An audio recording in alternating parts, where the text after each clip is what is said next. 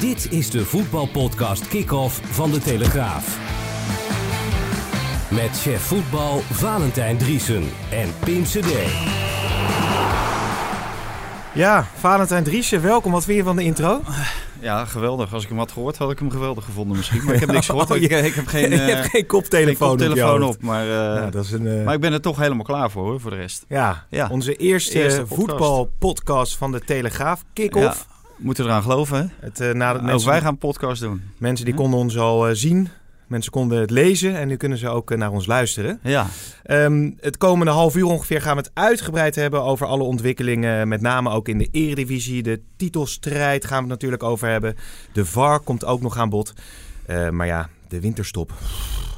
Eindelijk. Hè? Het duurde wel weer lang hè? Het duurde heel lang. We moeten zo snel mogelijk gaan voetballen met eh, de feestdagen. Sowieso met kerstmis, tweede kerstdag. Hè. Dan wil iedereen eh, weg bij zijn schoonfamilie. Ik ook. En eh, laten we dan gewoon eh, wedstrijdjes organiseren. Ja. Kijk, het is in de amusementsindustrie. Op het moment dat eh, de mensen vrij zijn, moet de amusementsindustrie leveren. En ja, en dat is voetbal. En dan moet er gewoon gevoetbald worden. Maar moet je die voetballers ook niet een beetje de kans geven om een beetje bij te komen van die eerste seizoenshelft? Misschien ook de clubs een lucratief trainingskampje organiseren helpt ook Ja, natuurlijk. Maar de- lucratief, dat valt wel mee. Hè, want de Nederlandse clubs worden niet zoveel meer uitgenodigd. Het is vaak voor eh, eigen kosten. En je, je kan ze eventueel toch twee weken vrijgeven in januari. Maar eh, het is allemaal het gesodemieten van eh, dat die buitenlandse spelers willen allemaal bij hun familie zijn met kerst en oud en nieuw. En dat is eigenlijk de, de reden. Hè. Er, er worden wel eens wat andere redenen ook aangegeven. Hè. Politie eh, inzet eh, tijdens kerst. Hè. Overuren zijn dat allemaal die eh, betaald moeten worden. Kijk, de, dat kan ik ook begrijpen. Maar een aantal jaar geleden is het geprobeerd en was het een groot succes. Dus ik zou zeggen van eh, zo snel mogelijk weer. En hoe is nu de stand van zaken? Ziet het er naar uit dat het de komende jaren wel gaat gebeuren? Nee, nou, het, het, het zat natuurlijk ook eh, een beetje verwerkt in die veranderagenda die de, die de eredivisieclubs hadden opgesteld. eh, die uiteindelijk eh, niet helemaal is aangenomen. Het grootste gedeelte is eigenlijk niet aangenomen. Er zijn wat kleine zaken aangenomen. Maar eh, dit zat er ook in. eh, doorvoetballen met, eh, met kerst en oud nieuw. Eh, een wedstrijd op zondagavond Mhm. spelen voor de competitie. Zodat je eigenlijk alle wedstrijden eh, live op televisie kan zien. eh, het hele weekend door. Ik geloof dat er nog maar twee wedstrijden dan tegelijkertijd zouden zijn. Ja, dat is niet aangenomen. Dus op dit ogenblik ligt alles weer, weer op de plank. Nou, we wachten het af. Ehm, we gaan beginnen met stellingen. Ja, ik ben benieuwd. Ben je er klaar voor? Oké, komt-ie. Nou, Valentijn, gewoon ja, nee. We gaan er later wel verder op in. ja, hoop maar. Erik ten Hag maakt Ajax kampioen. Ja, Kuit moet volgend jaar voor de groep staan bij Feyenoord. nee, Transferbeleid gaat PSV de titel kosten. nee, De VAR zorgt voor competitievervalsing. eh, nee, PEC degradeert met Jaap Stam. ook niet. Nee. En Ajax slaat flater met het mislopen van Lainez. ja. Nou, komt Nou, even goed kom uit. Want daar kunnen we over doorpraten. Ja, Overmars die had natuurlijk eh, en heel Ajax het vizier op eh Lainez. Hè, de Mexicaanse Messi. Alles Ja. in het werk gesteld om hem binnen te halen. ja, Kwam Betis Sevilla langs. ja. En, Nou eh, en ze liepen hem alsnog mis. Waar is dit fout gegaan? Het treurige van, van dit verhaal is dat die Lijnes eigenlijk alleen maar naar Ajax wilde. Totdat Ajax rond was met Club Amerika. En toen heeft eh Betis Sevilla natuurlijk Guardado in de strijd geworpen. Kijk, en Ajax had al lang een, een getekend voorcontract met die jongen moeten hebben. Eh, want zo gaat het in die wereld. Op het moment dat jij belangstelling hebt voor een speler, dan zeg je van eh, teken hier even dat jij belangstelling hebt eh, Ja. om naar ons te komen. En dat heeft Ajax niet gedaan. Die hebben het wat dat betreft laten versloffen. Het had eigenlijk heel weinig met geld te maken. Want de, de aanbiedingen van Betis en Ajax liggen echt niet zo ver uit elkaar. En de aanbieding die Betis aan, aan de club van Lijnes heeft gedaan, ja, is, is nagenoeg hetzelfde als Ajax. Dus Ajax zat in de front seat en ja, ze hebben zich daar laten wegduwen. En dat was echt eh, niet nodig geweest. Dus ik denk dat dit een, eh, een kwestie is van eh, niet eh, adequaat reageren op zo'n transfer. Ja. Ja, maar het is niet de eerste keer. Kijk, Magalan, Magajan, die kan je binnenhalen. Daar is ook wat minder interesse voor vanuit Europese Ja. clubs. Maar de Braziliaanse spits Richarlison, zeg ik volgens mij goed, hè? die speelt, speelt nu bij Everton. ja. Dat was de vorige grote vis die binnengehaald Ja, moest worden. En ook dat ging net mis. international inmiddels. Alleen de- ja, dat had een andere achtergrond. Dat was wel het, het geldplaatje. Hè, toen zat Theo van Duivenbode nog bij Ajax. Die die zat in de raad van commissarissen. En die hield zich strikt aan het salarisplafond. En die vond dat er veel te veel geld betaald moest worden aan de speler zelf, maar ook aan zijn omgeving. En dat gaat over zaakwaarnemers, familie, weet ik wat, wat er allemaal dan ineens op de stoep staat. En hij heeft gezegd, dat wil ik niet betalen. Nou, Theo van Duivenbode is inmiddels weg.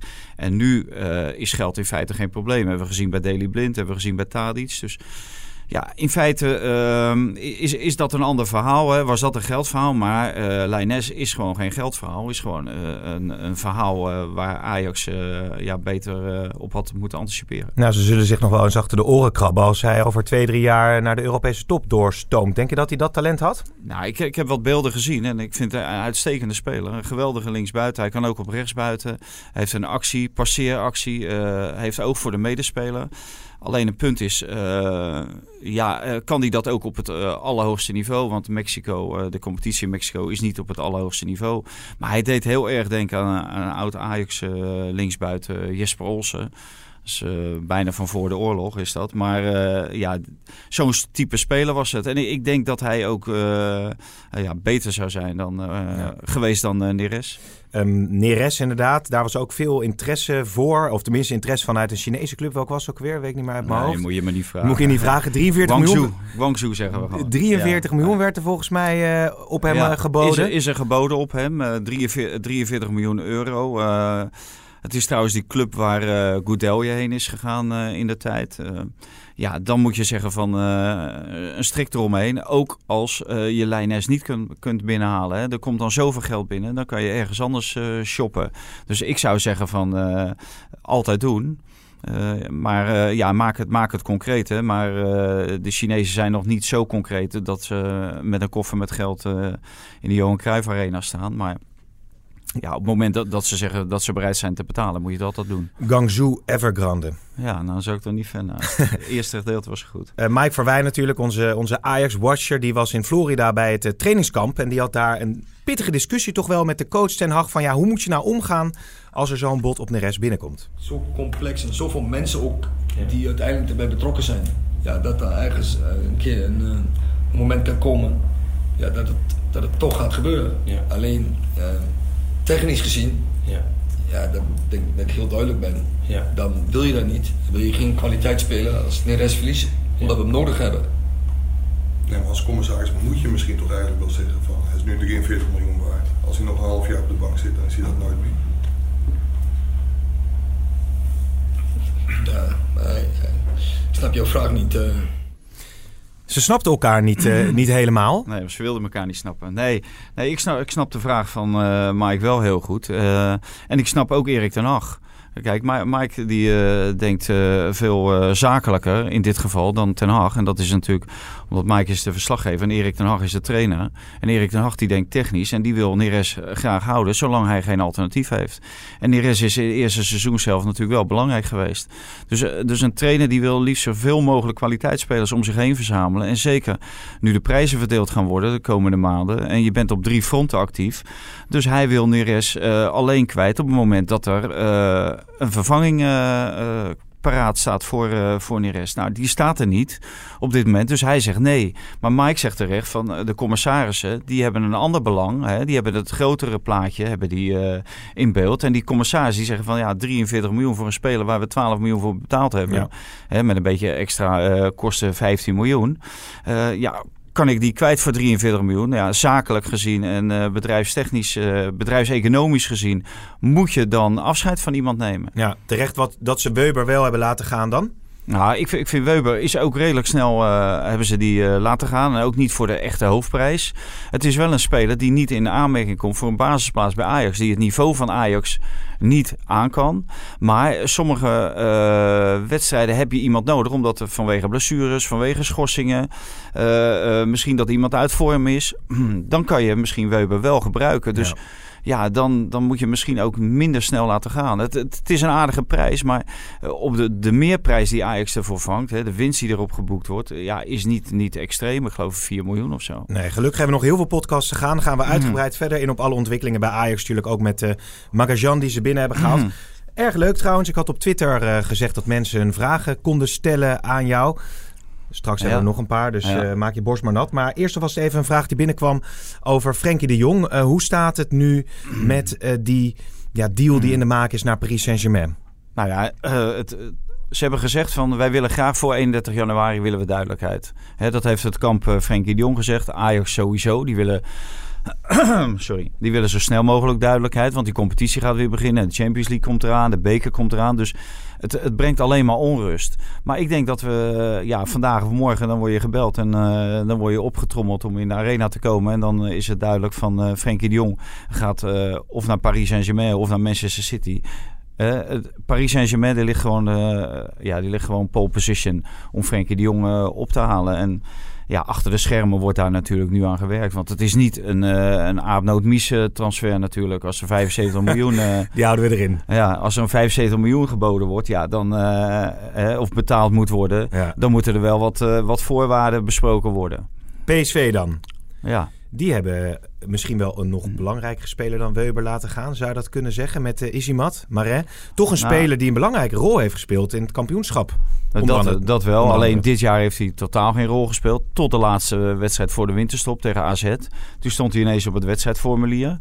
Dus toen bleek dat PSV hem toch wel nodig had in, in die wedstrijd. En toen heeft hij het ook prima gedaan. Want het is wel een speler die om een boodschap kan sturen. En die zich niet laat leiden door eh, hè, op de bank eh, zitten. Hm. En dan op zo'n moment eh, met de pet naar gooit. Dus ik, ik vond het heel opmerkelijk dat zij hem verkochten. Zonder een vervanger achter de hand te hebben. En Maar ze hebben toch uh, Australische verdedigers. Die Sainsbury hebben ja, ze. maar die, die maken op dit moment geen uh, bijster goede indruk. Uh, alle twee niet. En uh, Sainsbury is nu weg. Dus dus de, de komen, die kan tot 2 februari weg zijn als uh, Australië nu voor de Azië Cup. Hè, want daar zitten ze op dit moment. Uh, als zij doorgaan tot de finale. Nou, die, die is rond uh, begin februari. Dus op dat moment mis je hem. En valt er nog iemand weg uit het centrum bij PSV. Viergever of zo. Ja. En dan had je Easymat heel goed kunnen gebruiken. Dus ja, ik, ik vind dat ze hem heel snel van de hand hebben gedaan. Ja, overigens eh, PSV, wat is jouw indruk daarvan? Van Bommel is toch een beetje wat jongere spelers kansen aan het bieden. Gutierrez is natuurlijk al, heeft al iets meer ervaring, maar Malendi speelt bijvoorbeeld. Hè. Ze hebben van Club Brugge gewonnen. Is, is, is daar, is, zit daar een goede vibe in? Nou, dat denk ik wel. Als je 16 wedstrijden van de 17 wint, dan zit er sowieso een goede vibe in. Uh, de Champions League hebben ze het niet zo goed gedaan, maar daar praten ze zichzelf in dat uh, die twee punten, uh, ja, die, die, zijn, die zijn goed. Plus het veldspel wat ze in sommige wedstrijden hebben laten zien, uh, zou goed zijn geweest. Maar PSV had daar natuurlijk meer uit moeten halen. Maar ja, bij PSV uh, heerst gewoon uh, serene rust eigenlijk. Hè? Ja. Zowel op het transferfront. er zijn geen spelers die buiten de boot vallen eigenlijk. Heerst er ook rust op het transferfront als het om Arjen Robben gaat? Ja, natuurlijk. Ik, ik, Want dat is natuurlijk ik, toch in heel Eindhoven hebben ze natuurlijk maar één droom. En dat is dat Robben volgend jaar misschien ja, wel Lozano eh, kan opvolgen of Bergwijn. Ja, dat, zou wel, dat zou wel een hele goede zaak zijn als, als Robben zeg maar voor één jaar nog uh, die rol kan uh, vervullen bij PSV. Maar ja, ik, ik vind Robben niet een echte PSV-speler. En ik denk dat het Eindhovense publiek Robben ook geen echte PSV heeft. Want Robben koketteert natuurlijk altijd met SV Groningen. Ja. Hè? En hij wil ooit uh, terug naar SV Groningen. Waarschijnlijk dan niet als speler, maar misschien als directeur. Dus uh, kwalitatief gezien zou, zou Robben natuurlijk makkelijk in de Eredivisie mee kunnen. Dat hebben we bij Van Persie gezien. Dat, dat zie je bij, eigenlijk bij de toppers die terugkomen. Ze kunnen allemaal nog mee. Maar ik denk dat Robben uh, gaat voor een, voor een grotere uitdaging nog. Hm. Uh, hij heeft gezegd dat hij niet de zandbak in wil. Uh, hij wil ook niet naar Australië of, of, of Amerika. Misschien naar de Amerika heeft hij niet helemaal uitgesloten. Maar een, een, scenario zoals Ronaldo met een Juventus... dat toch op het hoogste niveau Zo. blijft meedoen.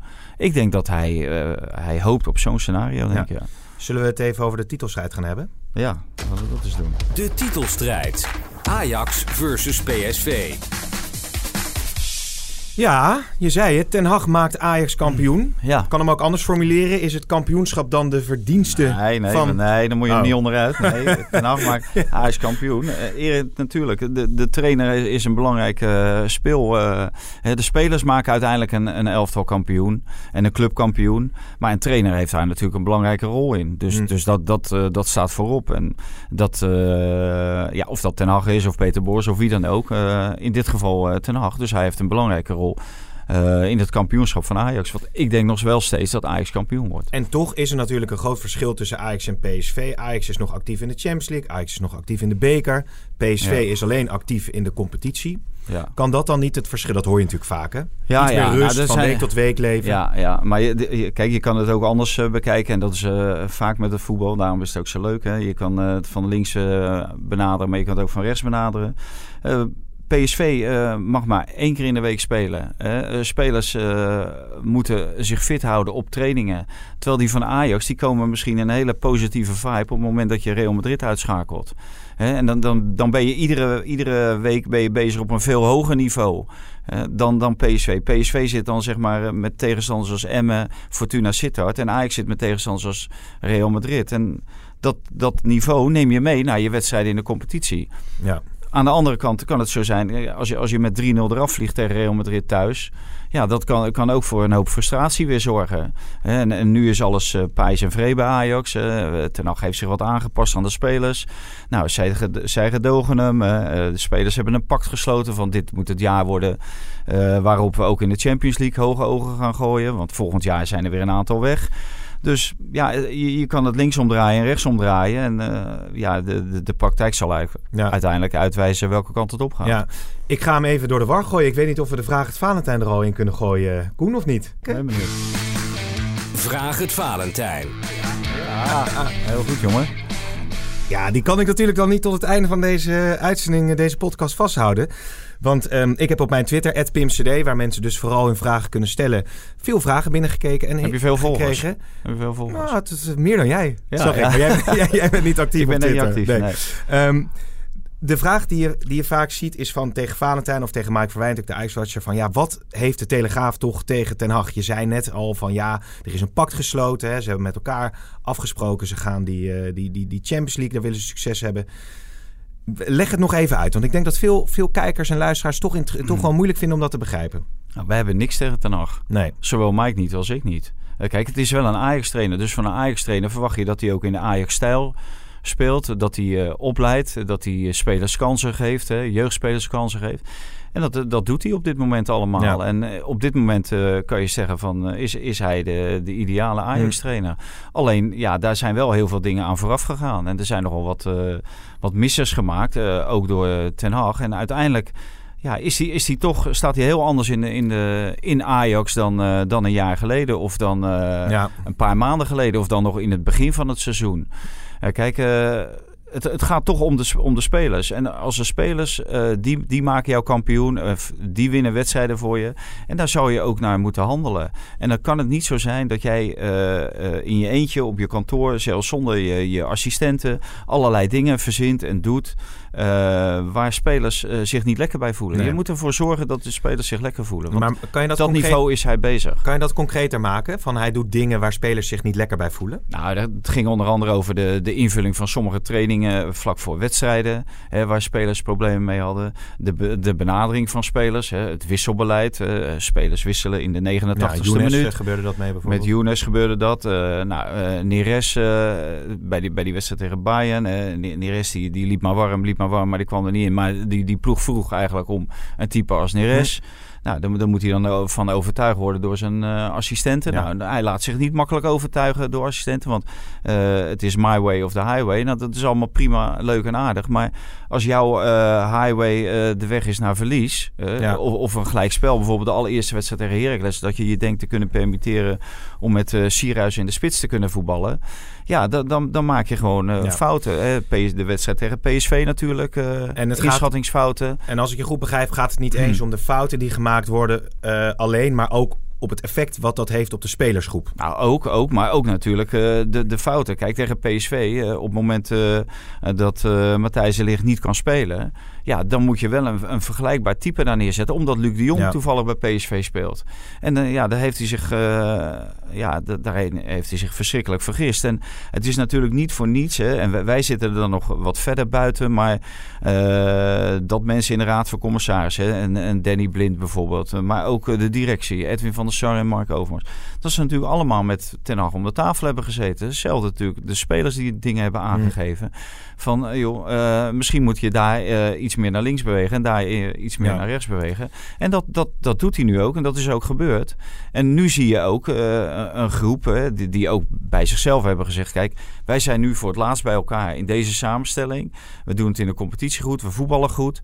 Eh, we zijn door in de Champions League. Nu moeten wij het momentum pakken. En nu is, nu is het moment, want volgend jaar zijn er weer drie, vier weg. En dan moet je toch weer opnieuw gaan bouwen. Maar weet je of spelers liever met eh, Peter Bos werkten dan met Den Haag bijvoorbeeld? Nee, nou, de, de een wel en de ander niet Ja, natuurlijk. Hangt dan van het perspectief af natuurlijk Ja, natuurlijk. En, Ja. en eh, van- met wie je een betere klik hebt. En, en, Ja. en of je speelt. En dan ma- mag je spelen zoals je graag wilt. Krijg je vrijheid in je spel. Nou, dat soort zaken telt natuurlijk allemaal Ja. mee.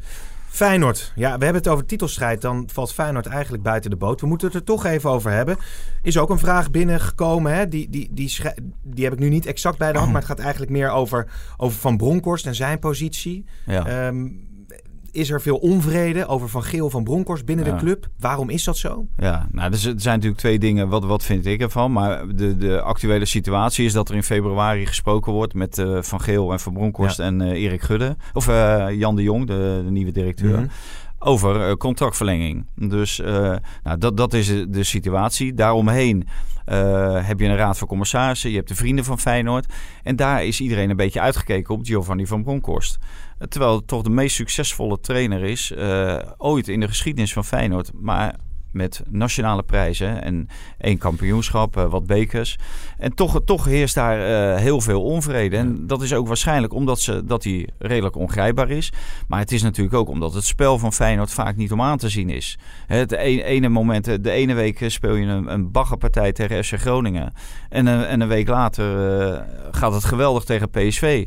En daarna verlies je weer van Fortuna Sittard. Het, het is een yo-yo, eh, een yo-yo team is het in feite. En ja, daar hebben eh, supporters, maar daar hebben ook mensen die vlak om die club eh, heen eh bivakeren, hebben daar moeite mee. En bij Feyenoord hebben de vrienden van Feyenoord hebben nu eenmaal invloed Ja. via de Raad van En Commissarissen. nou is er een hele mooie oplossing bedacht. Mr. Feyenoord. Volgend Ja. seizoen voor de groep. Dirk Kuyt. Ja, nou, dat, je dat is je leest het steeds meer. Ja, maar dat is natuurlijk lachwekkend. Dat kan, dat kan gewoon niet. En hij heeft al de papieren er niet voor. Nou, is daar nog wel wat op te vinden. Hij gaat volgens mij nu de cursuscoach betaald voetbal doen. Maar de cursuscoach betaald voetbal zonder enige ervaring. En dan eh Feyenoord 1 leiden. Nou, dat, dat wordt hem niet. Want dan ben je er ook heel vaak niet. Dus eh, kijk, als ze Dirk Kuyt bij de eerste elftal willen... dan vond ik het een betere oplossing. eh, die ik ook heb gehoord van... haal dan dik advocaat voor een jaar naar Feyenoord... en zet Kuit daarbij. En, en desnoods ook nog Van Persie of, of iemand anders. En ja, dat, dat, dat is meer toekomstgericht dan nu Dirk Kuyt daar neerzetten... en in één jaar laten afbranden. Want ook Dirk Kuyt laat deze spelers niet veel beter spelen. En moet je niet juist nu, eh Sinacera bijvoorbeeld, een talent opkomt, hè, Kutsu komt, eh, komt op, dat je nu eigenlijk een coach wil hebben die echt met die jonge talenten aan de slag gaat en daar de meeste Ja. groei uit weet te halen. Ja, maar dat, dat doet Van Bronckhorst ook. Die, die gaat ook met die jonge talenten aan de slag. En die is ook met die jonge talenten aan de slag. Want jij kent ze omdat... omdat hè, hij heeft ze laten spelen ook. En Ja. ze spelen tegenwoordig ook. Alleen wat, wat ik van Van Bronckhorst eh, vind... en het spel van Feyenoord... het is allemaal behoudend. Het is allemaal... ehm, eh, ja, wa- wa- wat angstig. En je staat derde, je wordt nooit meer tweede. Hè, want de Ajax en PSV ga je niet inhalen. Je wordt nooit vierde, want je wordt zelf niet ingehaald. Want daarvoor heeft. Feyenoord te veel kwaliteiten. Ga dan een keer eh, vol gas spelen. Hè. Speel zoals PSV tegen PSV. Doe dat iedere week. Doe dat uit en thuis. Ja. En dan krijg je geweldige wedstrijden. En dan zou je misschien ook nog een keertje op je snuffert gaan. Maar dan bied je in ieder geval het publiek iets. En ik denk dat de spelers daar ook best graag in mee willen. Het is nu allemaal zo berekenend. En zo zit je ook op de tribune. Je zit gewoon naar, naar een soort eh, rekenwedstrijd te kijken.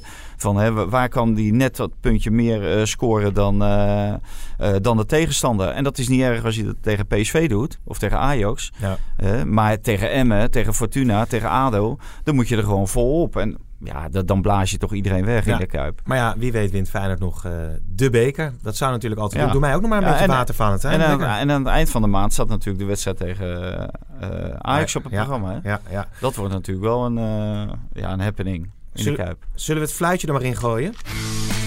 Afsluiten of eh, zijn we zo Nee. nog niet? Nee, we hebben Nee? het fluitje, dus dan gaan we het hebben over... ik denk scheidsrechters. Ja, over de VAR. De VAR. Ja. Nou, die hebben nog nooit gefloten, de VAR. Nee, de VAR heeft zelf niet gefloten, nee. Nee. Nou, eh, heb je daar veel over geschreven in de Telegraaf. Ehm, de stelling die we daarbij hadden is dat het, eh, de VAR voor competitievervalsing zorgt. Ja, nee, nou, dat, dat denk ik niet. Omdat eh, de VAR is overal. Eh, kijk, mensen zorgen voor competitievervalsing, niet, niet de VAR. Eh, de VAR is in feite gewoon een camera. En die wordt door mensen bediend. En de beelden worden door mensen bekeken. En die maken de fouten. Maar in principe moeten we natuurlijk constateren dat het allemaal wel veel eerlijker is geworden. Het is niet 100% eerlijk. En dat komt omdat ja, het, het is geen meetsport, voetbal. Een overtreding kan je niet meten. Je kan wel meten hoe snel een bal gaat. En dan kan je zeggen van nou, hij gaat 100, 100 km per uur of hij gaat 101. En dan kan die VAR zeggen nou, hij gaat, nee, hij gaat niet 101, hij gaat 102. Oké, prima. Dan gaat hij 102. Maar een overtreding is moeilijk te meten. Hm. Dus eh, is een overtreding nu geel of rood? Is het wel buitensporig of niet buitensporig? Ja, Ja. dat kan een VAR niet meten. Maar dat kan een scheidsrechter wel. En, eh, en daar, daar heb ik wel problemen mee. De mensen die achter die schermen zitten, dat zijn vaak heel onervaren scheidsrechters. Die ook niet op hoog niveau gevoetbald hebben. Kijk, Alf van Schoendijk van ADO Den Haag, die zei van... zet er desnoods een speler bij neer... Hm. hè, om, om, te, om te zien of iets nou wel of niet opzet is. Want dat valt me ook op. Die scheidsrechters, dat ze bijna nooit doorhebben... of iets nou opzet is, ja of nee. Of iemand, een andere speler nou bewust eh, probeert... eh, eh, ja, half, half dood te schoppen of niet. Ja, en, en voetballers die zien dat direct. Die zien dat echt direct. Ja, ehm, ik zit even na te denken over jouw opmerking. Want ik wou zeggen, een, een goed paard is nog geen goede ruiter of zo. Hè? De scheidsrechters zullen natuurlijk zeggen van, van het is een, het is Ja, een, dat het zeggen is ze een- ook. Het is een Dat heel ander vak. Dat is een heel ander Maar, vak. ik, maar, maar ik, daar, ik, zie, daarom... ik, zie, ik zie Beugelsdijk al daar in dat staan. het- Hey joh, hey joh. Nou, maar Hey, joh, Beugelsdijk, weet precies wanneer die iemand bewust eh, dat een waar. geeft of niet. Maar die zou ook zeggen, het valt wel mee allemaal. Nee, maar, maar ik zeg ook niet, er moet alleen een speler zitten, maar, maar met een scheidsrechter. Ja. Ja. een scheidsrechter erbij. En dat, en dat hij hem de, die scheidsrechter kan instrueren van... joh, eh, dit, dit is echt niks aan de hand of dit is toeval. Die jongen van Fortuna Sitter die eruit wordt gestuurd... die doet helemaal niets bewust. Nee. Ja, dat, dat een, een, een- nou ik wil zeggen een blinde, maar die kan heel moeilijk zien. Maar eh, dat, dat zou een blinde nog kunnen zien. En toch, die scheidsrechter ziet het niet, de VAR Ja. ziet het niet. En een voetballer ziet het direct. Gaat dit gebeuren eigenlijk of voorlopig niet? Nee, nee, want ik heb het nog gevraagd of het ging gebeuren. Maar het gaat natuurlijk niet gebeuren, want het is een heel ander vak. Ja. Maar de, de KNVB zou best wel wat eh, meer initiatief daarin kunnen, Ja. kunnen nemen. Ze nemen heel veel initiatief. Eh, ze beroepen zich altijd van dit mag niet en dat mag niet van de FIFA. Maar de FIFA heeft alleen richtlijnen opgesteld. En de richtlijnen hoef je niet te volgen, daar mag je van afwijken. Dus, dus wat dat betreft, ja, ik, ik hoop dat ze dat gewoon een keertje doen. Test het gewoon een keertje Ja. eh, voor de gein. Jij hebt eh, Bas Nijhuizen gesproken, onder andere ook over de VAR. Die wil wel wat meer mogelijkheden met die VAR. Ja, we hebben, ze zitten altijd vast aan een bepaald protocol. Hè. Daar zit je, je, mag, je mag in bepaalde dingen mag je niet eh, ingrijpen. Maar ik vind, we hebben hier ook gezegd, met gele kaarten, een overduidelijke zwalbe waarin iemand wat... Ja, ik vind, eh, eigenlijk zou je daar toch op een bepaalde manier moeten ingrijpen. Kijk, eh, en, wat ook gezegd werd, een hoekschop die niet werd gegeven. Ja, dat zijn wel momenten. En er komt een goal uit. Dat vind ik eigenlijk dat het protocol zo moet zijn. Valt er uit zo'n hoekschop wel een doelpunt, dan dat we gewoon terug moeten. Want het is wel beslissend voor de wedstrijd. Nijhuisje zegt eigenlijk van ja, ik wil wel meer mogelijkheden met die VAR. Heeft hij daar een goed punt? Ja, helemaal. Ik, ik, hier valt geen spel tussen te krijgen, Nee. wat Nijhuis hier zegt. Kijk, je, je probeert het eerlijker te maken. En hij probeert het eerlijker te maken vanuit het standpunt van de VAR. Hij ziet dingen op het moment dat hij daar in dat eh, hokje zit... en eh, zit te kijken naar de televisieschermen... eh, die een scheidsrechter niet ziet. Ja, dan moet hij de mogelijkheid hebben om te zeggen tegen die scheidsrechter van... joh, let even op, want dit of dat is gebeurd. Hè. Er is een onterechte, je geeft nu een onterechte hoekschop. En er kan een goal uitkomen. En een goal, eh, nou, we weten allemaal... eh, uiteindelijk bepalen goals uiteindelijk de eindstand. Het kan zo beslissend zijn, zeker in die titelrace bijvoorbeeld... dat je moet aan kunnen geven van... hé, hey, dit is geen corner. En dan Nee. geef je gewoon een achterbal. Ja. Maar dat kan nu niet. Nou, dan komt er uit zo'n corner komt er een goal. Nou, dan heb je de pop aan het dansen. En dan roept iedereen natuurlijk... hè, wat moeten we nou met die VAR? En terecht, want dan moet die VAR wel kunnen ingrijpen. Ja. Er zijn nog veel winstpunten te behalen met die VAR, maar het initiatief Sowieso. is in ieder geval goed. Ja, dat vind ik wel. Dat het ja. er is. Ja, ja, ja, omdat het eerlijker is. Het is nu, nu al eerlijker dan, eh, dan voorheen. En alles wat het eerlijker maakt. Alleen, ze mogen af en toe wel iets sneller beslissen. Want Ja. ze zitten af en toe echt een half uur naar die, eh, naar die monitor te kijken. Waar, waar een normaal mens gewoon eh, Ja. hè, 15 seconden de tijd voor heeft. Hebben we nog een degradatiebumper eigenlijk, Koen? Zit je te pesten. Gooi er maar even een korte bumper in. Huppatee. Nou, moet hij weer zoeken. Ja, ik ben zo Ja, snel, ja. joh. Hè? Maar kan eh, Koen een beetje voor wat drukjes zorgen? Degradatie, dat is nog waar ik het even met jou over wil hebben. Ehm, Jaap Stam, nou, die gaat nu bij Zwolle aan de Ja. slag. Jij zei, die gaat niet degraderen. Nee, nee, nee. Ik heb even die stand eh, erbij genomen. En eh, dan zie ik dat PEC inderdaad nu op een plaats zit om na competitie te spelen. Hè, die play-offs. Maar ja, daar zit zoveel kwaliteit in, in die, in die Net ploeg. daarboven, toch? Dacht Ja, net, nou, net voor play-offs. Oh, Voor play-offs. oh, oh, play-offs. 16e. Ja, of jij maar een andere ranglijst hebt eh, dan ik. Maar eh, deze in de VI eh, staan ze 16e. En eh, met een even aantal punten als nummer 15, maar ook als met nummer 17. Oh, ja. Dus nee, de, de graafschap is voor mij de gedoodverfde degradant. Ook al omdat ja, zij versterken zich wel eh, mondjesmaat, maar niet met spelers waarvan je denkt, hey, die gaan eh, de graafschap Ja. even in de Eredivisie houden.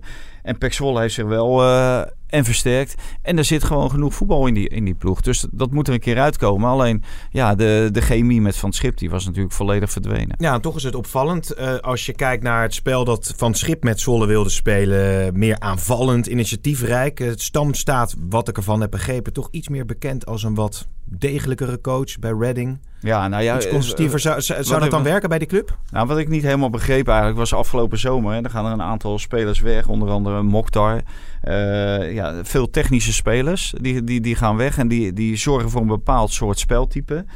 En eh, da- daar worden eigenlijk wat, wat, wat opportunistische spelers zoals eh, Mike van Duinen eh, voor teruggehaald. Dus dan krijg je een heel ander spel. En ja, daar moet je wel mee om kunnen gaan. Ja. En dat, dat vergt een hele andere eh, trainingsmethode. Maar het vergt ook een, een hele andere benadering van een trainer. En dat andere spel, dat paste veel meer bij John van het Schip dan dit spel. En dat opportunistische voetbal, dat paste eigenlijk ook niet bij Jaap Stam. Maar nu zijn ze dan eh, eh, bezig op de transfermarkt en eh dan halen ze wat spelers. Dus eh, ik, ik denk dat, eh, dat, dat Zwolle, ja, die, die hebben genoeg kwaliteit om erin te blijven. Ja. Ja. Hey, nog even één ding, eh, Valentijn. Ehm, er werd gesproken dat Frans Sol wel eens naar Feyenoord zou kunnen gaan. Is toch een leuke speler voor de Ja. Eredivisie. En weg, Weg. die. Ja. Dynamo Kiev. ja, dat, dat, dat is je lot als, als eredivisie zijn. op het moment dat die, zo iemand, en dit is al het tweede jaar achtereen, dat hij zich manifesteert. En er staat nu tweede op de topscorerslijst. Ja, de, er zijn, er zijn er genoeg clubs in Europa die wel 5, 6, 7 miljoen kunnen besteden. En, en Feyenoord eh, kan dat op dit moment niet. Maar Feyenoord heeft natuurlijk Jurgensen gewoon Hm. nog in de spits lopen. En Robin van Persie, eh, die tot het eind van het jaar gewoon nog meedoet. Dus ja, ja. ik, ik kan me wel voorstellen dat zij Frans Sol niet, niet ophalen, ja. Nee, nou, dan gaan we nog even afronden met... ja, je houdt niet van prognoses, hè? Nee, nee, helemaal niet. Nee, maar goed. Emmen, PSV zondag. Ajax, Herenveen. Dat moet in principe gewoon... eh En één is dat. En welke was de eerste? Emmen, PSV. Emmen PSV in twee. Ja, dus... Dus en nou, dan, dan, is en toch, Ajax, dan, is toch PEC Zwolle Feyenoord wel een interessante ja, dat is de meest leuke wedstrijd. Ja, de debuut van eh, Jaap Stam. En dan, eh, ja, hoe, hoe is Feyenoord hè, door die winterstop heen gekomen uiteindelijk? Ja. En, en he- heeft de, de perikelen rond Van Bronckhorst heeft dat invloed op, op, op, op de spelers van Feyenoord? Daar ben ik wel benieuwd naar. En, en of Ayoub misschien toch nog een keer een kans krijgt. Want, Ja. ja, eh, hij schijnt zich niet helemaal eh, als een prof te gedragen. Nou, misschien hebben ze dat eh, kunnen rechtzetten op dat trainingskamp. Want er blijft wel een speler met, met, met kwaliteit en creativiteit. En eh, wordt, die, eh, wordt bij Feyenoord worden natuurlijk allemaal weer spelers in verband gebracht met, eh, met Feyenoord. Waarvan ze zeggen, ja, die hebben wel de creativiteit. Maar ja, ze hebben Ayoub. Dus dan denk ja, waarom ben je op zoek naar creativiteit? Daar, daar kan je Verbonkers wel kwalijk nemen. Hij moet ervoor zorgen dat de creativiteit bij Ayoub eruit komt. Ja, er zijn nog allerlei onderwerpen die we kunnen bespreken. Tapia bijvoorbeeld niet, Ja. eh, niet echt uitgebreid uh, maar we doen dit eens niet. per week, hè? Eens per week volgens mij. Ja. Ik ben al redelijk kapot, eh Valentijn. Ja? Ik heb ook wat geleerd. Een aapnoot Mies transfer. Ja. Dat was het niet met Frenkie de Jong. We gaan afronden. Nee. Valentijn. Driessen, chef voetbal van Telesport. Ontzettend bedankt voor je komst naar deze podcaststudio. Graag gedaan. En ik wil jullie, de luisteraars, natuurlijk ook bedanken voor het luisteren naar deze eerste Telegraaf Voetbal Podcast Kick-Off. Als jullie vragen hebben, dan kunnen jullie die insturen via Twitter naar @pimcd en dan komen ze misschien volgende week aan bod en zo ook het Valentijn vragen. Heel graag tot snel. Dag.